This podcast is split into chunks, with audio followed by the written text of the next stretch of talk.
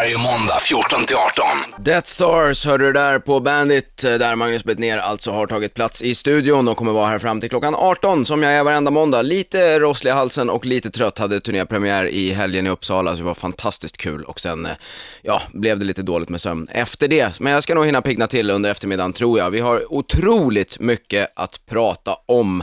Bland annat så ser jag på Expressen som ligger här bredvid, på deras första sida står det Birro jag vill bli KDs partiledare. Han gick alltså ut och skulle kandidera som partiledare för Kristdemokraterna. Ingenting som förvånar överhuvudtaget med tanke på att det är väl det närmsta ett parti som ligger i hans linje man kan komma i det här landet. Men sen gick det några timmar och sen kom nyhet nummer två. Marcus Birro hoppar av sin kandidatur för partiledarskapet inom eh, KD. Det tog alltså ungefär 20 timmar från första nyhet till att han hade hoppat av. Kortaste partiledarkandidaturen i världshistorien, skulle jag tro, eller i alla fall i eh, Europa. Men eh, det blir ju väl bra för honom. Han kommer väl förmodligen hinna skriva någon krönika om det där, att han har hunnit bli kränkt av någon under tiden. Det är ju annars hans favoritsysselsättning här i världen. Hörde att han satt i fredags och gnällde över mig, igen. Den här gamla tweeten ni kommer ihåg, som typ är ett år gammal, där jag skrev, eh, vi skulle åka på samma flygplan, så skrev jag bara, Birro är med på samma plan, så idag är det inte bara dåligt med en krasch. Inte roligt. Oj, oj, oj, vilket hån, vilken mobbing. Och nu satt han alltså och tog upp det här igen. Alltså han måste ju, han måste ju vara så jävla långsint. Han måste ha så elefantminne på något vis. Tillsammans med Järvheden satt han tydligen. Jag har inte sett programmet själv, men Thomas Järvheden tyckte tydligen att han, minns han tyckte att vissa av hans kollegor hade gått på Marcus Birro lite för hårt. Så var det någon som frågade om han hade tagit upp det med vissa av sina kollegor. Läs mig. Nej, jag har inte gjort det. Jag tyckte inte att vi riktigt har den kontakten. Lilla stackars Järvheden. Vågade inte mejla sin gamla kompis som han faktiskt har delat hotellrum med för inte så länge sedan. Men, jag vet inte. Rimmar väl illa kanske med Victoriadagen och Ladies Night och sånt där man gör om man vill ha ett eget tv-program. Vi eh, har som sagt asmycket att snacka om, så att vill ni eh, ja, föreslå vad vi ska prata om, eller ställa frågor till oss Nudgen för den delen som kommer hit och gästar vid tresnåret. Då går ni in på bandit.se eller så kör ni med Twitter och hashtaggar ner så kommer det upp i mitt flöde. Marcus Birro pratade vi om, ja, anledningen till att han hoppade av sin kandidatur för, eh, som partiledare för KD en kvart efter att han hade hoppat på det var alltså att han kom på att man kan ju inte jobba som eh, eh, eh programledare för ett debattprogram i TV4 om han samtidigt är partiledarkandidat. Så det, då fick han eh, skäll av TV4 och ska på ett så kallat krismöte om ungefär 14 minuter. Så det ska bli mycket spännande att följa vad som händer efter detta krismöte.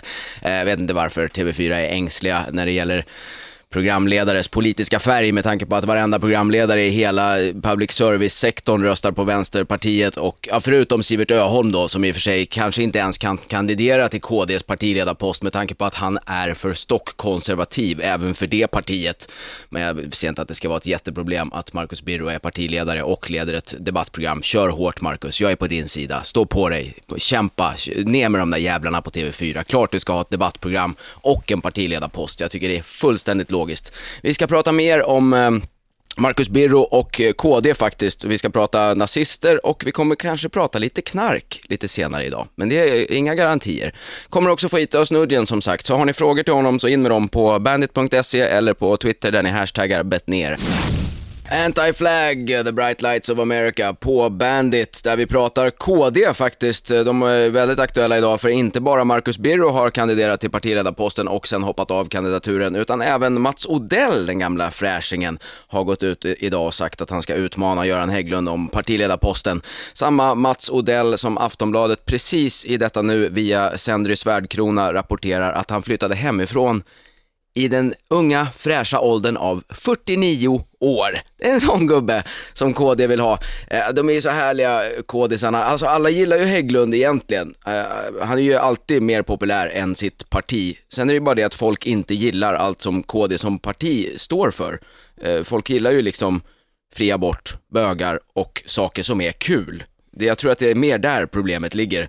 Men nu har ju en del inom eh, partiet vissnat då på de här dåliga opinionssiffrorna eftersom det är val om tre år så det är väldigt viktigt vad tusen människor i en undersökning tycker och då vill de tänka nytt. Och när ett kristet litet skitparti tänker nytt då letar man alltså fram Mats Odell som kandidat som är 64 år gammal och nyss har flyttat hemifrån och alltså var med i den förra borgerliga regeringen, alltså den 1991. Ni vet, 91, regeringen innan internet fanns. Det är nytänkt det. Skit i att nominera några nå heta unga tjejer som Ebba Busch eller Caroline Syber. Nej, nej, Mats Odell, det går hem i stugorna. Mm, möjligtvis i de stugor som också är ett ålderdomshem där Alzheimers patienter ler för att de äntligen får se ett bekant ansikte när de ser Odell i tv-rutan. Men jag tycker det är askul med partier som verkligen satsar stenhårt på att åka ur riksdagen. Jag ger dem all cred för det. Nu ska vi ta en låt, här kommer en med Klatsch. Sensucht med Rammstein på Bandit, där det är Magnus Bettners eftermiddag som varenda måndag fram till klockan 18. Börjar klockan 14 för er som har missat, vilket verkar vara hälften av de som är inne och skriver på livechatten som tycker att jag ska prata om att Marcus Birro har kandiderat som partiledare för KD. Har jag alltså gjort nu i en halvtimme, så att lyssna i kapp i eftermiddag när det kommer upp på bandit.se eh, eller på iTunes som podcast så småningom. Eh, det har ju varit mycket politik i veckan, det går ju såklart inte att ha en hel vecka utan en opinionsundersökning så att man får veta hur det hade gått i valet som är om tre år. Om bara just de där tusen som blir tillfrågade hade röstat alltså. Det är ju jävligt spännande. Och den här veckans undersökning visar i alla fall att eh, Sverigedemokraterna har backat lite, vilket ju kan bero på att de har presenterat en powerpoint om invandringens kostnader och glömde ta med intäkterna som invandrare genererar, bara av en slump sådär. Det är ju gulligt, eh, till och med för att vara Sverigedemokraterna, tycker jag. Största skopet var ju då också att eh, KD backar till strax under 4% spärren och kommer alltså inte in i riksdagen om de här tusen människorna eh, röstar och det vore val med bara dem idag. Eh, det beror ju förmodligen på att de har Göran Hägglund som partiledare. Alltså när de sätter dit eh, jag flyttade hemifrån vid 49 och har ännu inte blivit av med oskulden Mats Odell så kommer de ju sjunka till ungefär 2% där ett parti med deras politik borde befinna sig i ett modernt land. Största partiet enligt den här undersökningen, det är sossarna, ligger stadigt på 32,7 procent, något som förmodligen får Tage Erlander att snurra i sin grav. Regeringen får eh, knapp majoritet, fastän KD åker ut, om just de här tusen skulle rösta alltså, och det vore val idag. Det har såklart ingenting överhuvudtaget med verkligheten att göra, men så funkar det med politik. Vi ska prata mer politik, Vi ska också prata med Özz Nudgen som är på väg in i studion. Har ni frågor till honom så skriver ni dem på bandit.se eller på Twitter där ni hashtaggar bettner.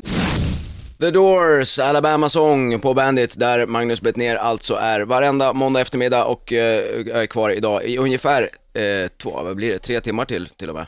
Eh, säger välkommen till Ösnudgen. Hallå, tack så mycket. Hur är läget? Det är jättebra. Kul att få vara här. Ja, det är kul att du kunde komma. Ja. Jag, jag hade en sån här liten svacka förra veckan när jag tyckte att jag jobbade lite för mycket och hade det lite jobbigt. Så jag satt och gnällde hemma. Då säger Helena, min flickvän för er som inte vet, ja men gnäll inte, du jobbar i alla fall inte lika mycket som Ös. Nej, jag, jag jobbar en hel del. Men eh, jag, Du gör det? Ja, man måste ju jobba så hårt när man inte är lika känd som du. Nej, det är Faktiskt, klart. Det är ja. klart. Då, får man, då är det lite uppförsbacke. Ja, faktiskt. Men vad gör du? Du gör ju liksom tusen grejer som jag inte tror folk känner till riktigt. Nej, det är ju, det är ju, jag, gör ju, ja, jag har gjort, eh, nu har jag spelat in eh, nya program för eh, de döva och hörselskadade på SVT. Eh, Asså? ja, kommer heta Lika Olika. program. De, det är deras första hörande programledare, så det var, ja, så det ska bli jävligt kul. När börjar det gå då? Eh, Det börjar gå i november.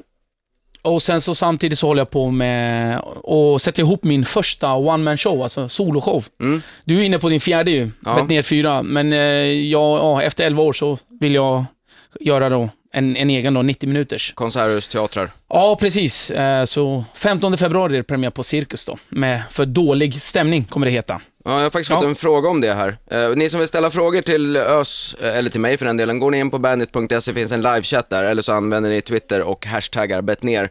Eh, en fråga från någon som jag har klippt bort namnet på är, eh, hur är det med konkurrensen mellan komiker ute i landet? Till exempel Ös och Company i Karlskrona och Batra i Karlshamn samma kväll. Små städer på liten yta. Är intresset för stand-up så pass stort att det kommer mycket folk till båda, eller måste ni slåss om publiken?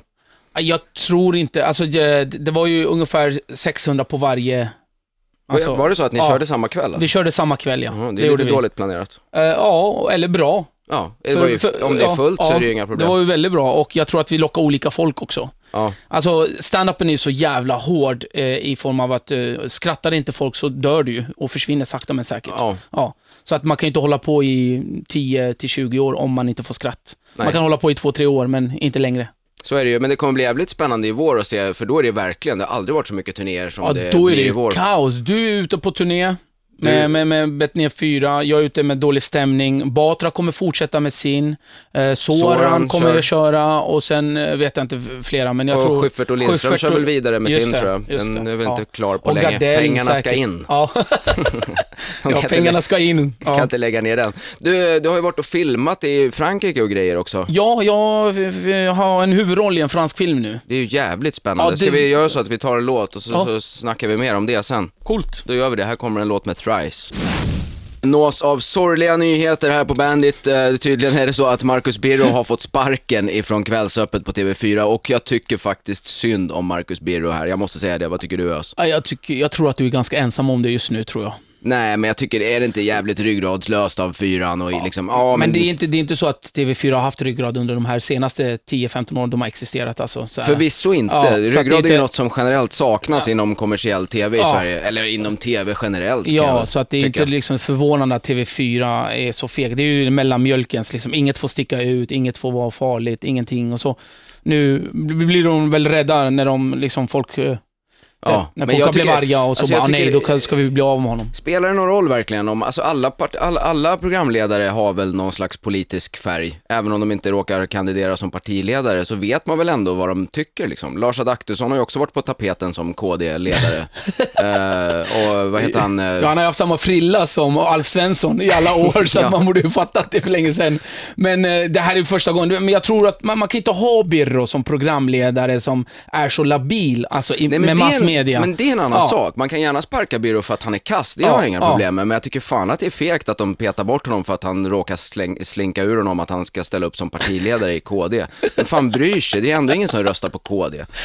Låt honom, låt honom ha sitt tv-program. Jag ska fan starta en Facebook-grupp. Jag tror att de var rädda för att inte ha, att få lika många lyssnare eller tittare som, som KD har röster. Liksom att TV4 bara, nej det är ingen som kommer kolla på oss. Fast det skulle ju vara ganska bra tittning tror jag för Kvällsöppet. Om, Ja, det- om det är nästan sant, det är för sig. 4% av alla som röstar Ja, men av alla som kollar. kollar på TV just den tiden, just den timmen. Jag tycker det är, det är för jävligt. Sen, Fler tråkiga nyheter. Det kom ju ut idag, de här två som ska få, eller tre kanske de var till och med, ska få Nobelpriset i medicin. Och direkt efter så kommer det ut att den ena av dem, han, han dog. det är ju också jättetråkigt. Ja, det här är ju sjukt. För det, det, jag, jag, jag, det var ju, de, skulle få, de fick ju priset för det här med eh, immunologi, alltså lära om att bli immun mot sjukdomar och så vidare. Och, eh, men mot döden kunde inte han bli immun, immun mot. Och det grejen, grejen är så här, de här stackars eh, forskarna, liksom vetenskapsmännen, de blir hur gamla som helst. Alltså, Ja. alltså tills de ska få, han har ver- verkligen väntat i, han, han, utan överdrift, han har lätt väntat i 40 år. Han kanske dog av hjärtinfarkt. Ja, Blev så, det- ja, det han blev så jävla mycket. glad, så han dog av det. Eh, det är alltså Nujen som sitter här bredvid mig i studion och snackar, om ni undrar det. Har ni några frågor till oss så går ni in och skriver dem på bandit.se eller så gör ni det på Twitter med en hashtag som heter bettner. Vi ska prata mer om Ös och med Ös alldeles snart. Men först tror jag vi tar en, en låt. Ja, det gör vi. Här kommer Anarchy in the UK med Sex Pistols. Queen hör du där på Bandit där vi alltså har pratat en hel del om Marcus Birro idag som ju tyvärr nu har fått sparken. Eller tyvärr, han kunde gärna fått sparken för att han är dålig, det hade jag inte haft någonting emot. Men det är så jävla fegt av TV4 att ge honom sparken för att han kandiderar som partiledare för KD när alla har vetat hela tiden att han är stockkonservativ katolik. Ge honom jobbet tillbaka. Försökte leta upp en eh, Morrissey-låt för att spela åt Marcus Birro som en liten tröst. Men tyvärr gick inte det så han får byta till, eh, inte vet jag, Riks FM eller något. Nej, de Han spelar har mycket emot sig idag. eh, Han har mycket Morris- emot sig. Ja, det går tufft, det går trögt alltså. Jag sitter och pratar med eh, Özz så har ni frågor till honom, då går ni in och skriver dem på bandit.se eller Twitter där ni hashtaggar betner. Och det är många som har gjort det, så jag tänker vi tar lite frågor så får vi prata mer om fransk film sen. Ja, det gör vi. Eh, här är en fråga till exempel. Finns det någon svensk variant av The Aristocrats? Om det gör det, vem av er är bäst på att dra den? Har du gjort det någon gång? Nej, jag, har jag, jag har ingen, vi har väl ingen sån, alltså som, Nej. som är sån inom svensk stand-up. För er Ja. som eh, lyssnar som inte vet vad det är så är det alltså en, en rutin som går ut på, det började som så här skämt backstage Ja. mellan komiker. Det går bara ut på att man ska vara så vulgär och vidrig som möjligt och berätta en jättelång historia om incest och bajs. Ja, till, till- till slut blir det bara värre och värre. Och man, sen blandar man in religion och raser och, och, och sexuella läggningar och det blir bara värre och man fyller ut det och, och så blir det roligare och roligare förhoppningsvis. Ja, det finns ju en Ja. fantastisk eh, dokumentärfilm som heter just The Aristocrats. Som, eh, ja, där massa folk får dra sin variant av det. Och bland annat är det ju, vad heter han som, snack, som skämtade om 9-11 några dagar efter på någon Emmy-gala? Han lilla korta arga Ja, killen. ja, vad som, ja, jag vet, jag vet. Eh, vad fan är han heter? Nej, jag kommer inte på det, Ja. men han är helt lysande i alla fall. Så Ja. att, har ni inte sett den filmen, då ska ni göra det. Men jag har aldrig testat det, har du? Nej, Alltså, jag har inte heller testat det, men jag, däremot är jag bra på att dra väldigt grova och äckliga skämt. Det är jag. Alltså så att det, det går över alla gränser. Det är ju en uh, färdighet så god som någon. Ja, det är inte så uppskattat komiker. på standup-scenen, men jag gör det ibland ändå och det blir helt tyst. Det blir dålig stämning på riktigt. Det har blivit det många gånger faktiskt. Är det därför showen heter det också? Ja, faktiskt, för jag märkte att jag, eh, jag är nog eh, den som sprider mest dålig stämning. Alltså, på riktigt alltså. Det blir så, ibland så blir det så jävla jobbigt tyst och det blir så dåligt. Och vi i Sverige, vi, vi är väldigt rädda för dålig stämning alltså, när det blir sådär. Och jag kommer ju från ett område där det var dålig stämning i 2000 år. Så att jag, jag har ju inte fattat när det blir dålig stämning. Men det är nu först, på riktigt senaste två, tre åren, jag har fattat att det är ju mitt fel. Det är jag som sprider det här liksom. Så, minsta gemensamma nämnaren är jag faktiskt. Fast det har ju inte funnits i 2000 år. Nej. Även om du är gammal. Nej, nej, men jag menar just det här med att, att man fattar inte det här liksom, när man sprider, för man säger rakt i ansiktet till folk vad man, säger, vad man tycker och tänker och då blir det väldigt dålig stämning. Ja. Liksom. Det är Och en, jag- vi har fått en fråga om, om, om det här, Vilken är, vad tycker ni själva är största skillnaden på er som ståuppare? Utveckla gärna. Jag tror att det är just det att, att du sprider dålig stämning. jag tror det också, och du sprider bra och, och stämning. att jag, jag alltid har det spralligt, trevligt och kul på mina shower. Så att vill ni ha spralligt, trevligt och kul, då kan ni gå och kolla på Magnus Bettner 4. Info finns på magnusbettner.com. Nästa stopp är Halmstad. Vill ni ha dålig stämning, Ja, då, Då bokar ni biljett på- till Cirkus den 15 februari. Där Ös drar igång sin show. Vi ska prata mer med Ös Nurgen alldeles strax och ni som vill ha Sprallig du, det är- ställa det är så. frågor till Nu honom det gör det på bandit.se eller Twitter där ni hashtaggar Bettner. Här kommer Crowbar. Gamla goda Immigrant Song med Le- Led Zeppelin på Bandit där jag pratar med Ös Nurgen. Yes. Vi eh, har snackat allt, om allt möjligt här, Marcus Birro och alla möjliga grejer och det ra- rasslar in frågor också. Här är en till dig. Tjena Ös, var det stand-up du ville bli? Förmodar att han eh, menar komiker. När du var liten, eller var det något som växte fram med tiden? Ja, det växte nog eh, till allas förtret med tiden, att jag skulle bli standup-komiker. Men i, i- början så ville jag ju bli den första astronauten, alltså från min familj då. Jag ville ju bli astronaut. Du har väl fortfarande chansen, eller har ni någon astronaut i familjen? nej, det har vi inte, nej. Men eh, vår familj har alltid haft högt flygande planer och sådär, men eh, vi, ja. Men det var det jag ville bli, men det blev tyvärr inte så. Men sen så tänkte jag, vad fan vill jag egentligen göra när jag gjorde militärtjänstgöringen uppe i Boden? Och då kom jag på, fan jag vill ju stå på scen och eh, roa och oroa folk. Och då var du vadå, 19, 20? Ja, precis. Något sånt där. Ja. Och sen började du med stand-up i. Hur gammal var du Nej, då? men sen så då, då jobbade jag på ett lager för att ha råd att gå på Kalle Flygas teaterskola då. Eh, Så jag jobbade typ i nästan två år då, samtidigt som jag spelade fotboll i division 2. Och sen så, ja, fick jag ihop pengar och sen så började jag på Kalle Flygas teaterskola. Och sen, standupen fick jag tag i när jag var mm, diskplockare på Ängelen i Gamla stan. Ja. Var det Och- på den tiden när Janne hade klubb där? eller? Nej, det här, var i, det här var precis innan då, för att jag, efter det så... De höll ju på med teatersport då, på, Ja. och så var det någon gång, jag tror att, eh, tror att Fredrik Lindström eller några kom och, och, och uppträdde där. Så kollade jag, vad fan vad coolt att kunna göra så. så var, och sen så slutade det med att jag tog över eh, teatersporten då, på, Och på när, var det, när var det här? 97? Något sånt Ja, där, eller? precis, Så precis. du började ungefär samtidigt som jag då? Ja, men inte med stand-up, utan Nej. då körde jag teatersport. Men då såg jag stand-up liksom, jag tänkte. Men jag började maj 99, första gången jag testade liksom. Ja. Då började jag. Och sen har det varit stadigt uppåt sen dess. Ja, faktiskt. Det är faktiskt. jävligt kul. Ja, jag har kämpat som ett as i och för sig, men det... Ja, ja, men det Ja. måste man ju göra om Ja. man ska komma någon vart. faktiskt. Det är en rätt hård bransch ändå. Ja, det är faktiskt... Det är nog en av de hårdaste, tycker, Även om tycker folk jag. är snälla och sådär så är det Ja, vi har faktiskt en jävligt bra mördande. bransch på det sättet. På riktigt. Ja, det är inte många branscher, jag, alltså jag är ju även i skådisbranschen och sådär, men just, eh, just stand-up, vi, tar hand om varandra. För jag tror vi vet om eh, hur ensamt det kan vara. Ja, jo. Men du, det här med skådis, berätta Ja. mer. Du, du hade ju liksom en jätteroll i Frankrike. ja, Hur fan gick det till? Ja, jag, jag, jag, det här är min andra film då i Frankrike. Jag hade en biroll i förra, nu fick jag en huvudroll och det, det var ju så att det, var, det är ju nästan sjukt, alltså Ja, stört. det är ju jättesjukt. Men hur Ja. fan fick du jobbet från början? Har du någon agent som sitter på olika så här tv-mässor i Europa? Eller hur fan gick det till? Nej, nej, men det var så här, för fem år sedan så var det en, en, en, en fransk-kurdisk regissör då i, i Sverige och eh, då behövde de en spontantolk som uh, tolkar från franska till kurdiska och svenska då. Hur Så många språk kan du egentligen? Eh, Jag kan alldeles för många. Nej, Jag kan en, en hel del språk. Och sen så, eh, ja då var jag där då. Och sen eh, så undrade han vad jag gjorde, den här regissören. För han skulle föreläsa om sina filmer och sådär. Och då sa jag att ja, ja, men jag är skådespelare och komiker. Och så ringde han tre år senare. Jag fattade ingenting. Han bara, jag har en roll till dig. Fan vad sjukt. ja, så var jag med där. Och sen i våras då, eh, när, vi, när den hade premiär, eh, för, för den filmen då, och så var det premiärgala i Paris. Och då efter premiärgalan då så kom det, eh, galapremiären heter det, ja, just det. Så kommer det två stycken, det är då regissören och eh, rollsättaren, jag visste inte vilka det var.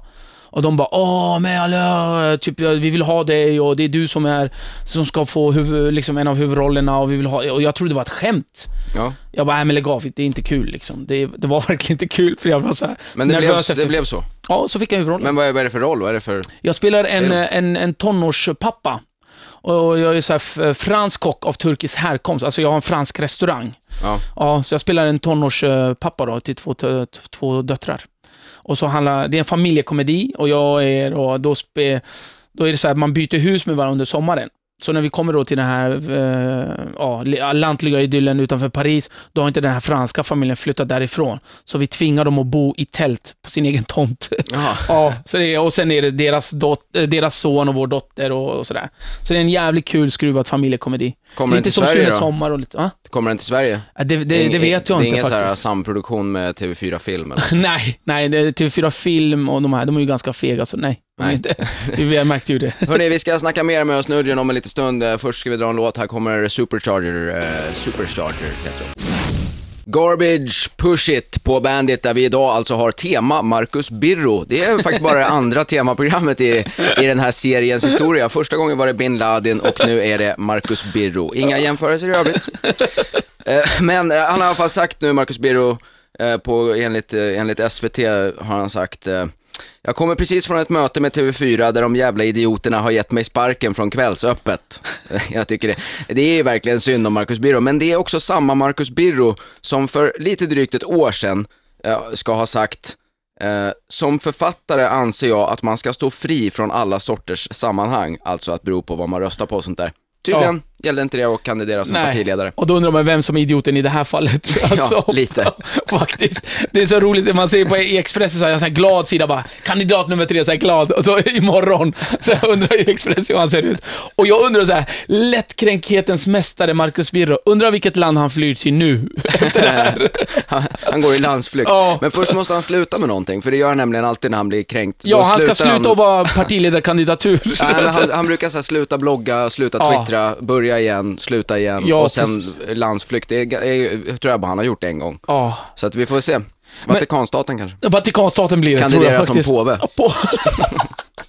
Ja, Eller som gud. Han kanske kan kandidera som gud. Ja, det, men, ja han, han, alltså det är så jävla rolig alltså, händelseutveckling. Från det att du började prata, hörde jag, tills, tills nu. Det, är- det är, alltså, det är en, man kan inte ens skriva det här. Nej, det är en fin eftermiddag. Ja, det är fantastisk sånt, här, eftermiddag. Sånt här jag gillar med att göra live, live-radio, att man kan få göra tema Marcus Birro. Du läste någonting om kungen också, vad fan var det? Ja, jag blir bara så förbannad alltså. Det här är så äckligt Har du alltså. sett förresten det där klippet som snurrar där kungen, kungen är på strippklubb?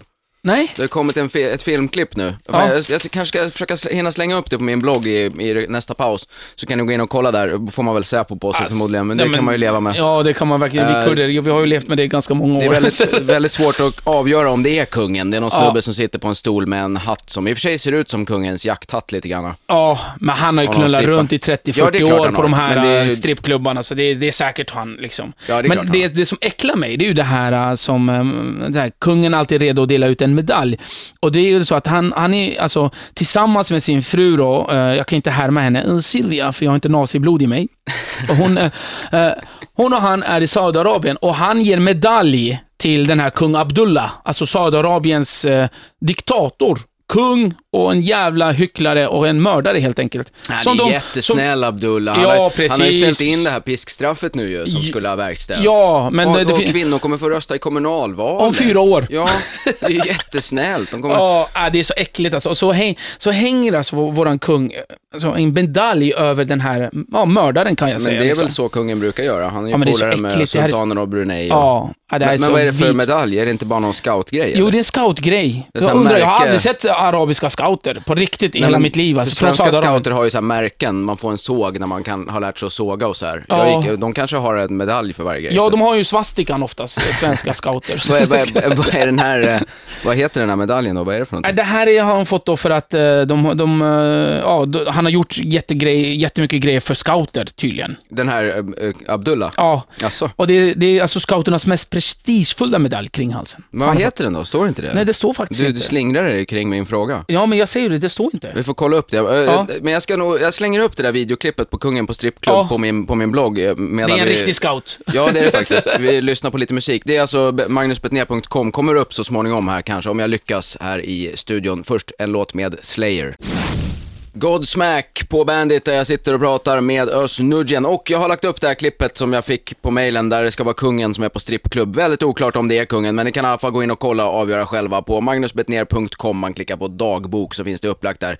Eh, lyckades inte fatta hur man laddar upp klipp så ni får klicka på länken och ladda ner det bara. Men nu har ni i alla fall knullkungen Ja. i, i min blogg. Ja, och vi, du vet den här boken som kom ut eh, för förra hösten, den här Ja. Motvilliga monarken, som egentligen borde heta Vilja monarken, men eh, du vet, det- där där man...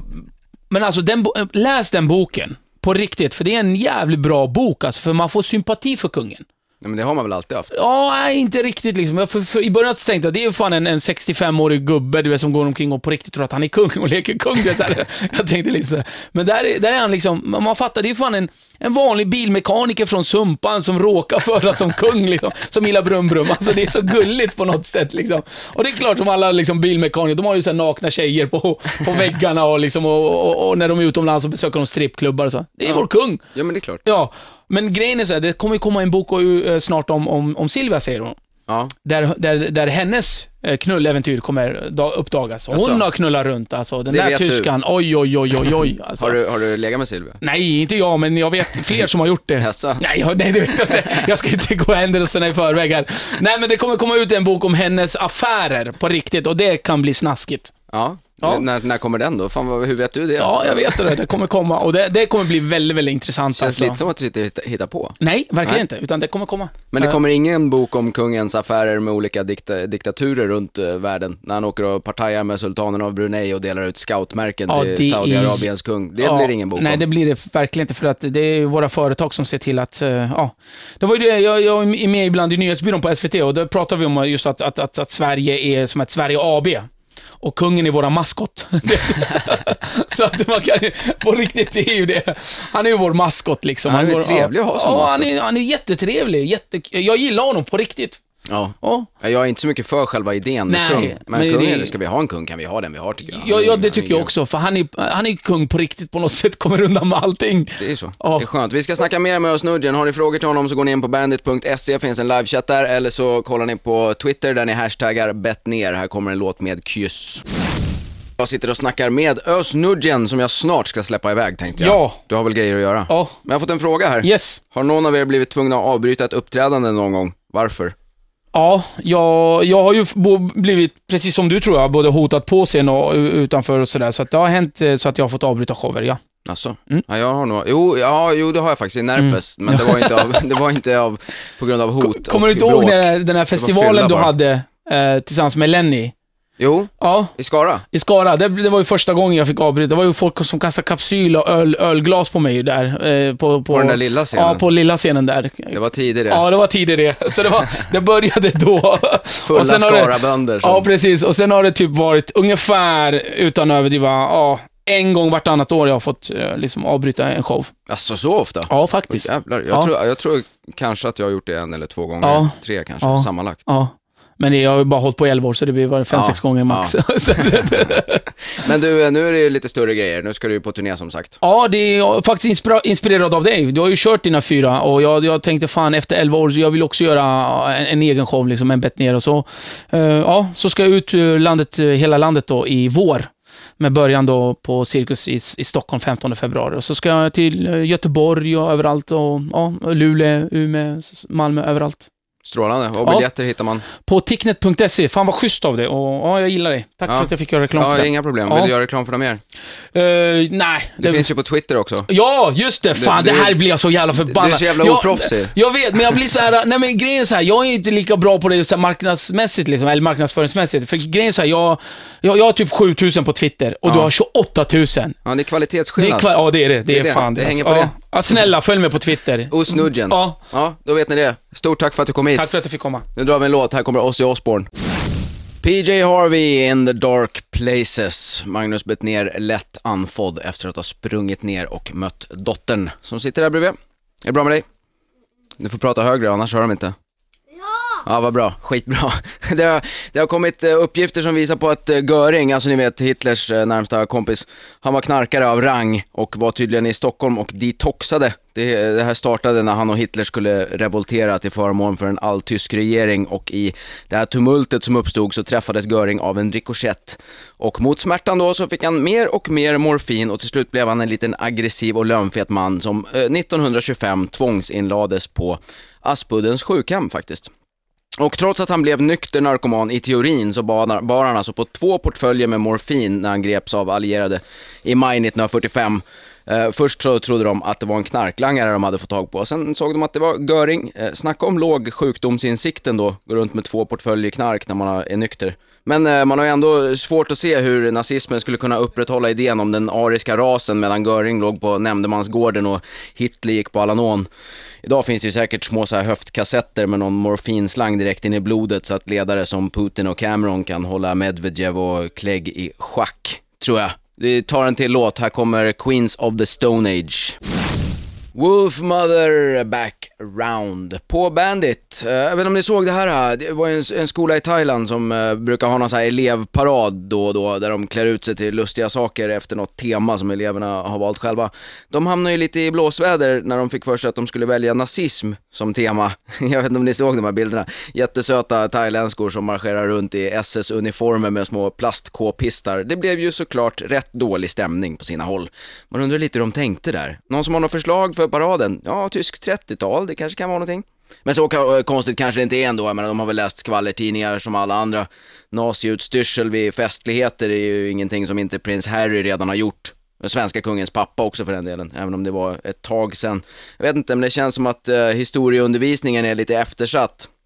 Där har vi något för Jan Björklund att jobba med. Han borde ju dra dit och missionera, lära ut folkpartism istället. Det är helt okej att marschera i raka led, införa krångliga regler för invandrare, kräva språktest och sånt. Men för guds skull, skippa uniformen. Det är känsligt för människor.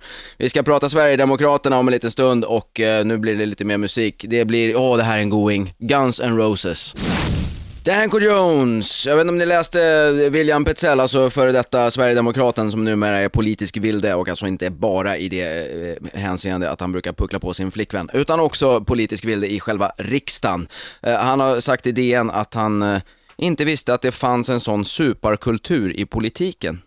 Inte det.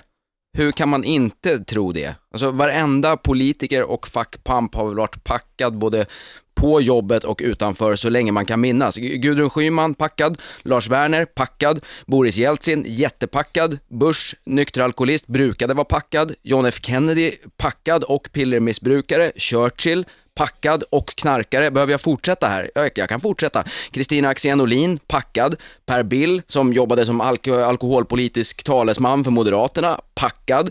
Anna Sjödin, gamla SSU-bossen, packad. Folkpartisten Karin Pilsäter torskar på rattfylla, det gjorde Per Gahrton också. Varenda jävla kotte på maktposition har ju varit glad i flaskan så länge man kan minnas.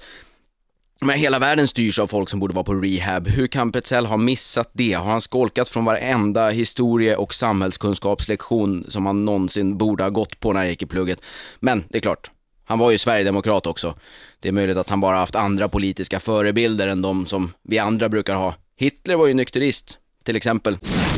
Eh, en annan grej jag läste här är till, det är ju så mycket undersökningar om allt och inget hela tiden. Och en undersökning har i alla fall kommit fram till att mord i Finland oftast sker där männen är bekanta med varandra, berusade och mordvapnet är oftast en kniv. I Holland däremot så är mördaren nykter och använder skjutvapen. Jag vet inte vad man ska dra för lärdom av det här exakt, men det kan ju vara så att det har med alkoholkulturen att göra. För att svenskar mördar nämligen också varandra fulla och med kniv, precis som finnarna. Och man känner eh, sitt offer oftast när man mördar någon. Tänk på det, när du är hemma hos en kompis som du tror att du känner utan och innan och helt plötsligt kommer kökskniven fram. Då kommer du ångra att du hetsar polaren och tar den där sista tequilan.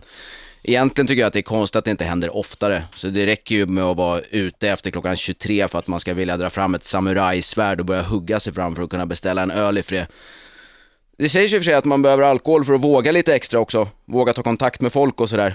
Uppenbarligen sviktar ju den sociala kompetensen bland finska och svenska män när man tar kontakt med folk genom att sticka dem med kniv. Kärlek börjar alltid med bråk sa man ju på dagis, det här är väl samma grej kanske. Fast med kniv, istället för att dra någon i håret. Sen undrar man ju om eh, holländarna verkligen är helt substansfria. Nyktra, visst kanske, men vem tar sig sju glas öl när man kan puffa i en coffeeshop? Jag är skeptisk. Å andra sidan eh, borde det vara rätt svårt att pricka någon med pistol efter ett par joppar. Det är rätt många rosa elefanter som kan komma i vägen i det tillståndet. Jag vet inte. Mer politik, mer musik om en stund. Vi börjar med Klatsch. Rammstein, jag står och funderar på vad den här låten heter där de har tjockisdräkter på sig i videon, så är det någon som vet det kan ni skriva det på Twitter eller på bandit.se i livechatten som finns där, för jag kommer inte på det. Men det är en jävligt god låt och en fantastiskt rolig video. Uh, Iran ska vi prata om. De har ju en tendens att ställa sig på foliehattarnas sida. Eh, Mahmoud Ahmadinejad brukar ju då och då prata om 11 september som mysteriet och vagt eller mer direkt komma med antydningar om att USA egentligen låg bakom attackerna på World Trade Center. Och det brukar ju alltid reta USA såklart. Och det kan man ju fatta att det är just det Ahmadinejad vill göra. Skaffa stöd genom att jävlas med Uncle Sam. Men det har ju inte riktigt gått som man har tänkt sig. För att nu har nämligen Al-Qaida lackat ur på honom. De tycker att det är jävligt dåligt dålig stil att Iran av alla länder vägrar credda Al-Qaida för 9-11. Så att nu har terrornätverket skrivit ett brev till Irans president där man ber honom sluta sprida alla löjliga konspirationsteorier. Alltså, fatta ändå hur lost man är i skallen om ett terrornätverk läxar upp en i historia. Stackars Ahmadinejad hade ju säkert hoppats på impa rejält på bin Laden Junior eller vad fan nästa al-Qaida-ledare heter. Det slog helt fel. Nu har nätverket planerat, planerat, tränat sina medlemmar att flyga plan in i stora hus, smugglat in piloterna i fiendeland, synkat klockorna och genomfört världens ondskefullaste kupp. Så kommer det någon halvfigur och påstår att de bara legat och lata sig. Jag skulle tro att Ahmadinejad får börja kolla under bilen efter bomber innan han åker någonstans. Ironiskt eh, så kan ju också USA skriva under på allt som Al-Qaida sa i det här brevet. Iran kanske kan fungera som en brobyggare här mellan de två fienderna. Jag vet inte. Men däremot vet jag att nu kommer en låt med Alter Bridge. Det ner på bandet. Måndagar 14 till 18.